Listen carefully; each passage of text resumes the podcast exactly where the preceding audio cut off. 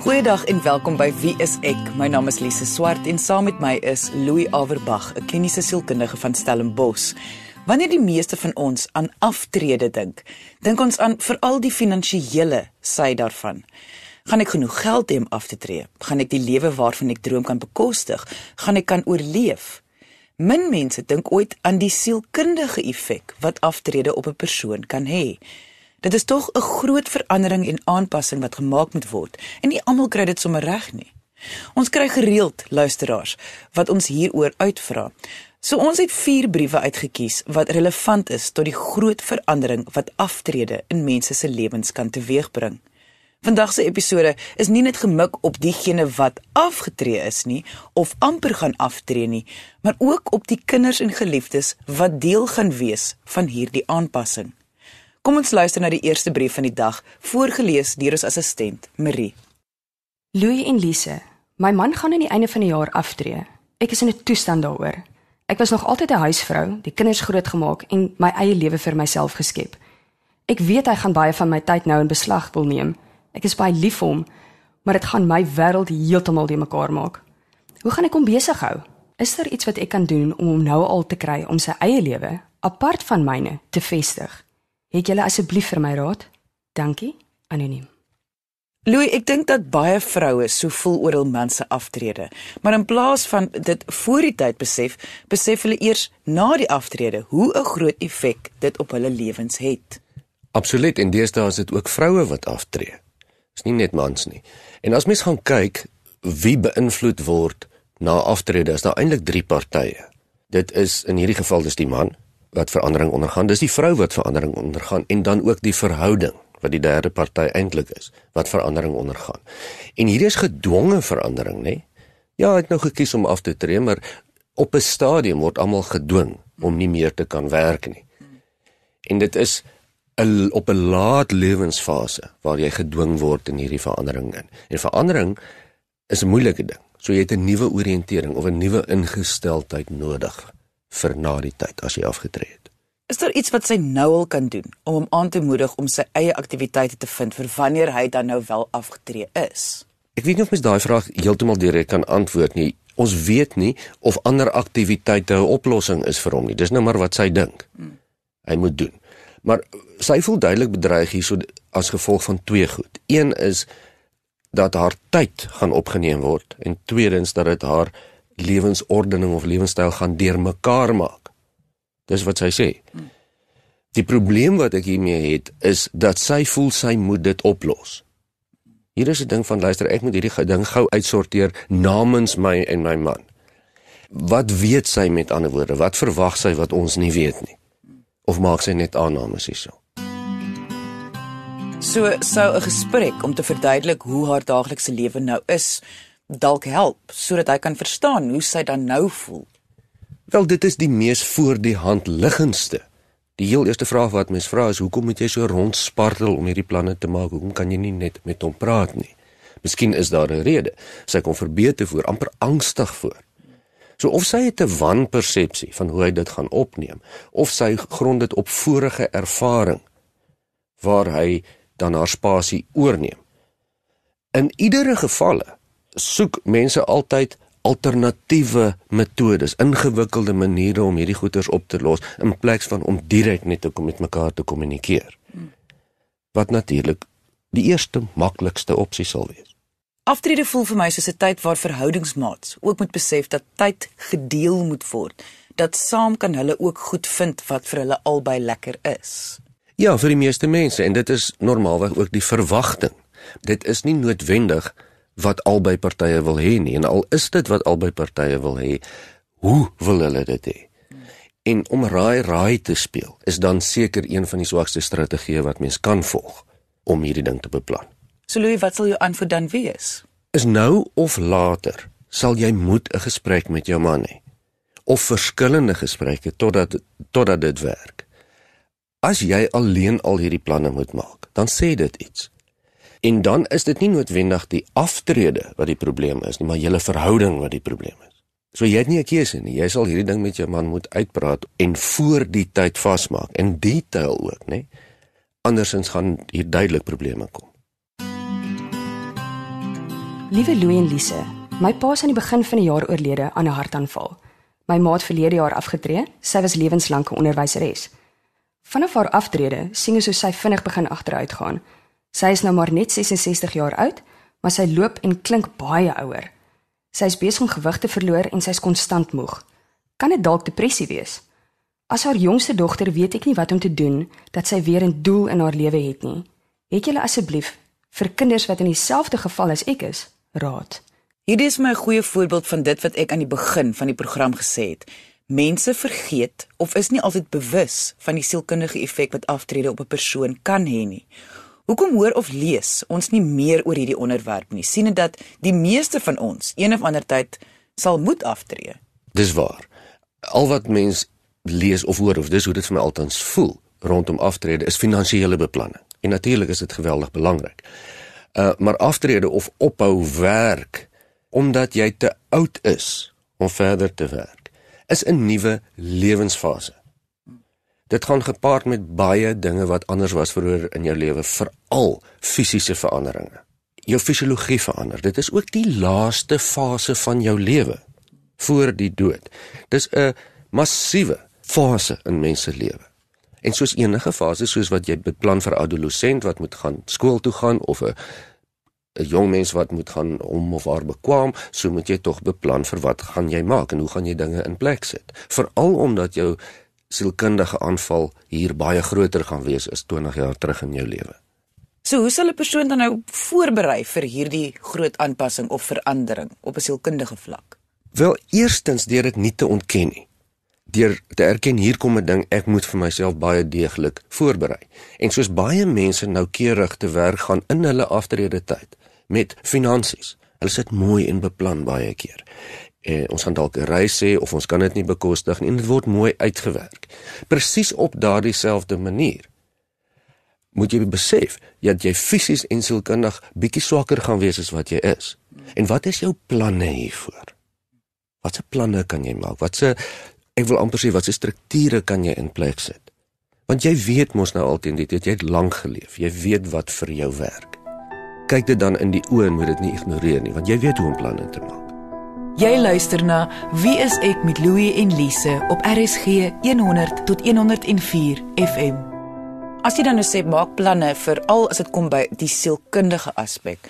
Kan jy net voorbeelde gee van uh, wat hoe sal so 'n plan dan nou lyk? Ja, in hierdie geval van ons briefskrywer byvoorbeeld, is haar ma is alleen. Sy het dan ook haar werk gestaak. Wat mens nou sou raai, daar's minder sin in haar lewe oor. So 'n plan wat in werk gestel sal kan word byvoorbeeld is om twee maal 'n week met haar ma te vergader of eenmal 'n week te vergader, by mekaar te kom, koffie te drink, wat ook al, om die alleenheid teen te werk. Jy so jy sit 'n rotine in om te konnekteer met mense. Dis amper om 'n rugsteenplan, 'n tweede plan in aksie te sit. Deur te verwag dat jy op sekere sielkundige vlakke gaan swaarder kry. Neem dit aan as 'n gegewe. As dit nie so is nie, het jy 'n bonus maar meestal is dit so. En sit nou al jou goeders in plek. Met ander woorde, as jy weet jy hou van geselskap en jy gaan aftree waar jy lekker baie by die werk met mense gesels het, moet jy vir jou gereelde gesprekkies en kuiers insit in jou skedule en want dit gaan nie nou meer daar wees nie. Jy sal dit moet laat gebeur. Moet 'n mens voorberei of kan jy maar wag tot jy klaar afgetree het voor jy die tipe planne in werking stel? Dit hang af van persoon tot persoon, maar ek sou voorstel hoe vroeër hoe beter. Hoe jy ook al voorberei. Onthou wat ons hier van praat. Ons praat nie eintlik van aftrede nie. Ons praat hier van geweldige verandering. En verandering het veranderingsbestuur nodig. Hoe beter jy verandering bestuur, hoe makliker is dit. Of dit nou is om van woning te verander of van lewensfase te verander, is dieselfde beginsel. Wat stel jy voor moet die dogter, die skrywer van die brief, doen om haar ma dan te help? Wel eerstens, dit klink of jy 'n goeie verhouding het, sou ek jou ma bewus maak van die feit dat sy dalk hier met 'n siekte toestand te doen het. Sy toon al die simptome van depressie. So as ek jy was sou ek aanmoedig om na die dokter te gaan, al is dit die huisdokter. Onthou sy's ouer, sy hou nou op werk. Ouer mense het risiko van demensie. geheue wat bietjie kan gaan ook. Jy kan dit selfs onder daardie boeg gooi. Uh want dit is goed om dit dop te hou en te monitor. So met ander woorde, dit hoef nie noodwendig dan die aftrede te wees nie. Dit kan dalk ook iets anders wees, 'n mediese toestand. Ja, jy weet, dit dit maak mos nou sin dat haar ma sal bietjie meer depressief wees. Sy het baie van haar betekenis verloor van haar lewe. En die groot ding hier is dat dit nie help om die wit olifant te vermy nie. Praat liewers met jou ma daaroor. Uh, spreek dit aan. Jy is in jou laaste fase. Die dood is nader aan jou. Jy gaan nie weer werk nie. Dis die realiteite. En mense vermy hierdie onderwerp want hulle wil nie mense in 'n kollig plaas nie. Maar alle mense wat in daardie fase van hulle lewe is, weet dit. Hulle hou nie daarvan dat mense om hulle om eiers loop oor hierdie onderwerpe nie. Want dit maak mense alleen voel en nie deel voel van die samelewing nie. So net soos met die eerste brief, kommunikasie gaan die maklikste en die beste antwoord wees. Praat met jou ma, vertel vir haar wat jy dink en praat met haar ook oor hoe sy voel. Ons gesels vandag oor aftrede en die moontlike sielkundige implikasies wat dit vir 'n persoon kan inhou. Ons is halfpad deur vier briewe van luisteraars wat verskillende aspekte van hierdie situasie aanspreek. Indien jy nou eens ingeskakel het, onthou jy kan enige pot gooi van wie is ek op RSG se webwerf gaan luister. Dis rsg.co.za. Klik op pot gooi, kies wie is ek van die lysie wat verskaf word en luister na episode volgens die uitsaai datum of kort beskrywing. Kom ons luister nou na die derde vraag van die dag, voorgeles deur ons assistent Marie. Goeiedag Louis en Lise. Ek is 'n man van 57 jaar jonk. Ek geniet elke dag ten volle. Aftrede was die beste ding wat met my kon gebeur, maar vir die afgelope paar maande kom ek agter hoe baie ek aan die dood dink. Hoe vinnig die lewe verbygaan en hoe ek seker ook moet bewus wees daarvan dat die einde om die draai is. Ek is glad nie gereed om dood te gaan nie. Hoe meer ek probeer om nie daaraan te dink nie, hoe meer dink ek daaraan. Ek skrik self swakker in die nag in 'n koue sweet. Ek woon alleen, my vrou is al 10 jaar terug oorlede. So ek het niemand om hierdie mee te deel nie. Hoe kan ek hierdie fiksasie aan die dood stop? Dankie. Ek hoor graag van julle. Louis, wanneer ek probeer indink waarmee mense moet sielkundig sukkel tydens aftrede, is die dood sekerlik die hoogste op die lys. Versekerde mense voel dit soos die begin van hulle lewens, veral wanneer hulle baie ongelukkig was in hulle loopbaan. Maar vir ander raak die dood amper soos 'n obsessie. Ja, en ek dink mense kan dit verstaan want die dood raak dan 'n regte realiteit. Terwyl dit vir ons almal eintlik 'n realiteit is, dis nie meer van 'n realiteit hoe ouer jy is nie. Lewe mens nie so nie. Jy lewe tot op 'n redelike laat stadium in jou lewe met die feit dat die dood daar ergens deur voor vir jou voorlê. Maar as jy ophou werk het of jy het afgetree, is dit ook in 'n mate begin van 'n voorbereidingsproses vir afsterwe. En dit gebeur gereeld dat mense dan nou amper half obsessief oor hierdie ding raak. Jy weet, jy jy begin so daaraan dink dat jy dit eintlik sommer net agter die rug wil kry. Dit is soos die ou mense wat met die kus op die solder geslaap het. En ek dink dit is 'n algemene menslike gedrag. Mens kan amper nie ontspan voordat iets nie afgehandel is nie. En natuurlik duidelik die gevaar is hierso vir hom wat so die lewe lekker geniet dat hy dan die laaste paar jaar van sy lewe maak nie saak hoe lank dit nog is nie dalk nie kan geniet nie.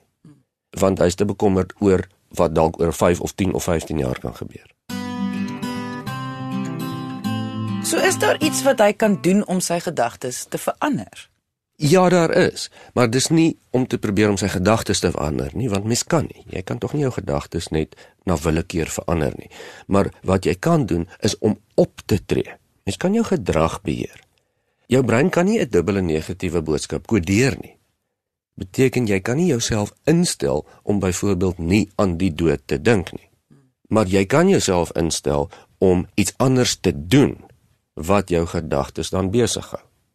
As jy byvoorbeeld volledig in die tuin werk, al is dit vir 5 minute, en jou fokus is op die grond en op die plante waarmee jy besig is, kan jy nie aan die dood dink nie. En dit geld vir almal van ons dat die manier om nie iets 'n obsessie te maak nie is deur om op iets anders te fokus. In hierdie geval op wat jy kan beheer, wat jy kan doen. Stap, praat, skryf, loop, enige iets wat jy kan oorbeheer het. Want dit vat jou dan weg deur om te dink aan iets wat nie daar is op die oomblik nie. Moet hy iets omtrent dit doen? Kan hierdie gedagtes maar nie net van self maar weer weggaan nie?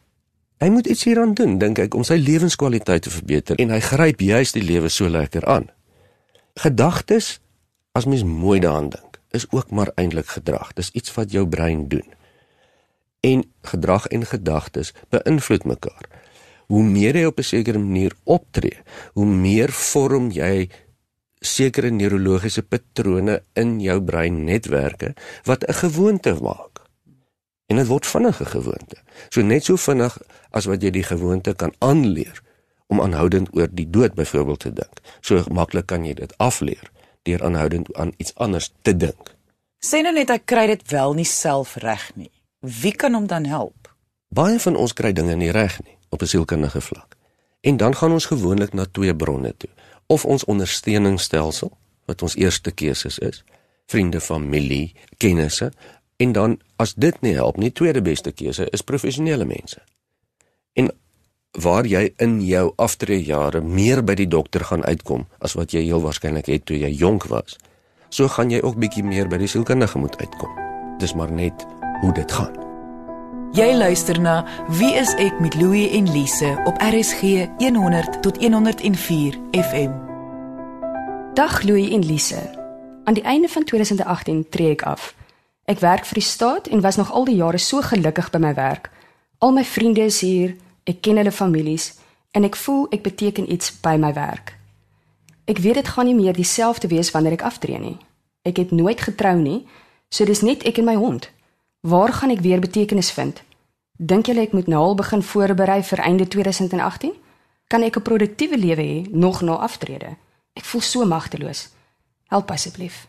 Betekenis. Dit is tog wat 'n beroep vir ons bied en ek verstaan hoekom sy angstig is, want waar gaan sy weer dit vind? Betekenis kan mens onder andere na kyk as mens nou sommer prakties daarna kyk, wat gee betekenis vir mense in die lewe? Is dit eintlik maar net twee dinge: werk en verhoudinge.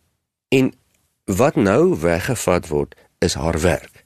Die een helfte van haar betekenis word weggevat of kom tot 'n einde.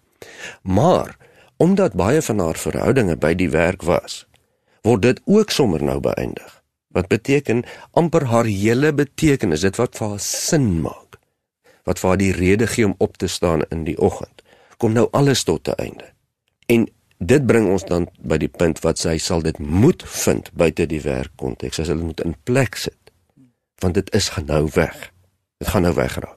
Kan ons net definieer uh, wat presies betekenis is en die positiewe effek wat dit op ons het?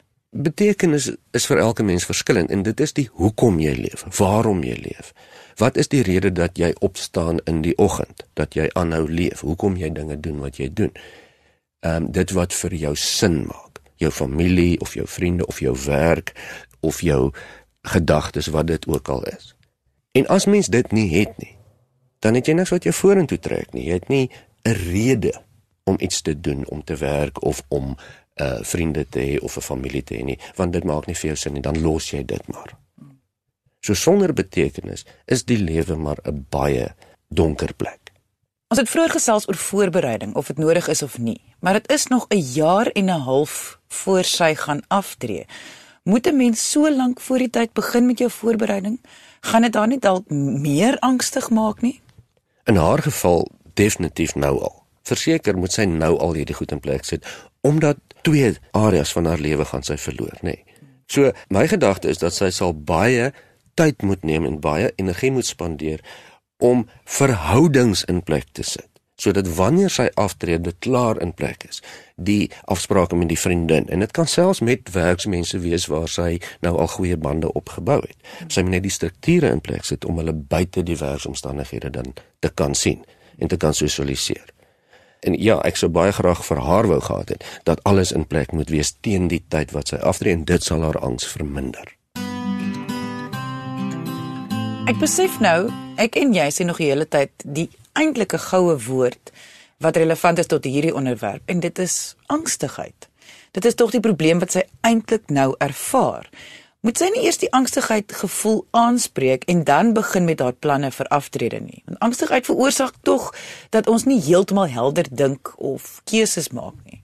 Jy's reg, maar dit veroorsaak 'n hoender-eier situasie. Wat is makliker om aan te spreek? 'n Emosie of 'n toestand soos angstigheid of gedrag? Onthou net waar waaroor sy angstig is hier, is logies. Dis nie eintlik sielkundige angstigheid wat ons van praat, onlogiese algemene angs nie. Daar is 'n spesifieke rede hoekom sy angstig is en dit maak vir ons sin. Mm. En die manier om daai angstigheid dan weg te kry is om op te tree sodat dit nie meer daar is wat haar angstig gaan maak nie. Dis anders as mens net algemeen angstig is oor die algemeen. So nee, sy sy moet haar omgewing aanspreek, sy moet die struktuur in plek sit en dit gaan haar angs simptome want haar angs is geregtig. Dis baie soos met die vorige brief wat jy gesê het die persoon moet iets doen en dit gaan help. Ja, en dis nie altyd moontlik om iets te doen nie, maar dis altyd die eerste stap. In die geval waar dit regtig moontlik is, soos in haar geval, dan doen jy eers dinge voordat jy begin bekommerd raak hoe om die gevoel aan te spreek. Louis, voor ons afsluit, wil ek graag net opsommend by jou hoor hoekom dit belangrik is om nie net finansiëel voor te berei vir aftrede nie, maar ook sielkundig. En hoe? In die geval van mense wat bejaard is, die laaste lewensfase van hulle lewe aangaan, is dit belangriker as ooit om te besef dat mense sielkunde, met ander woorde hoe jy dink, hoe jy optree, hoe jy voel, hoe jy dinge ervaar, is direk gekoppel aan jou fisiologie aan jou liggaam. Dis nie twee verskillende dinge nie, dis eintlik maar dieselfde ding. Net soos wat jy jou lewenskwaliteit wil behou deur jou gesondheid te behou, jou finansiële dinge in plek te sit as jy kan, net so moet jy besef dat jou sielkundige toestand is deel van jou fisiologiese toestand. Die twee gaan hand aan hand met mekaar. So as jy net na jou fisiese gesondheid kyk, kyk jy eintlik net na 50% van jou gesondheid dan op daardie stadium. En indien iemand besef hulle sukkel met hul aftrede, dat jy wel 'n professionele persoon gaan sien. Ja, want dit is jou laaste jare. Jy wil alles doen wat jy kan om dit so lekker as moontlik te maak. Hoekom sal jy nie? Indien jy enige vrae het oor jou aftrede, jou lewensmaatsin of jou ouers, kan jy ons kontak deur ons webwerf. Dit is wieisek.co.za of deur ons Facebookblad onder wieisek.sa. Dankie dat jy vandag ingeskakel het. Ons maak weer so volgende Vrydag 12:30 net hier op RSG. Jy moet 'n heerlike naweek hê en onthou, kyk mooi na jouself.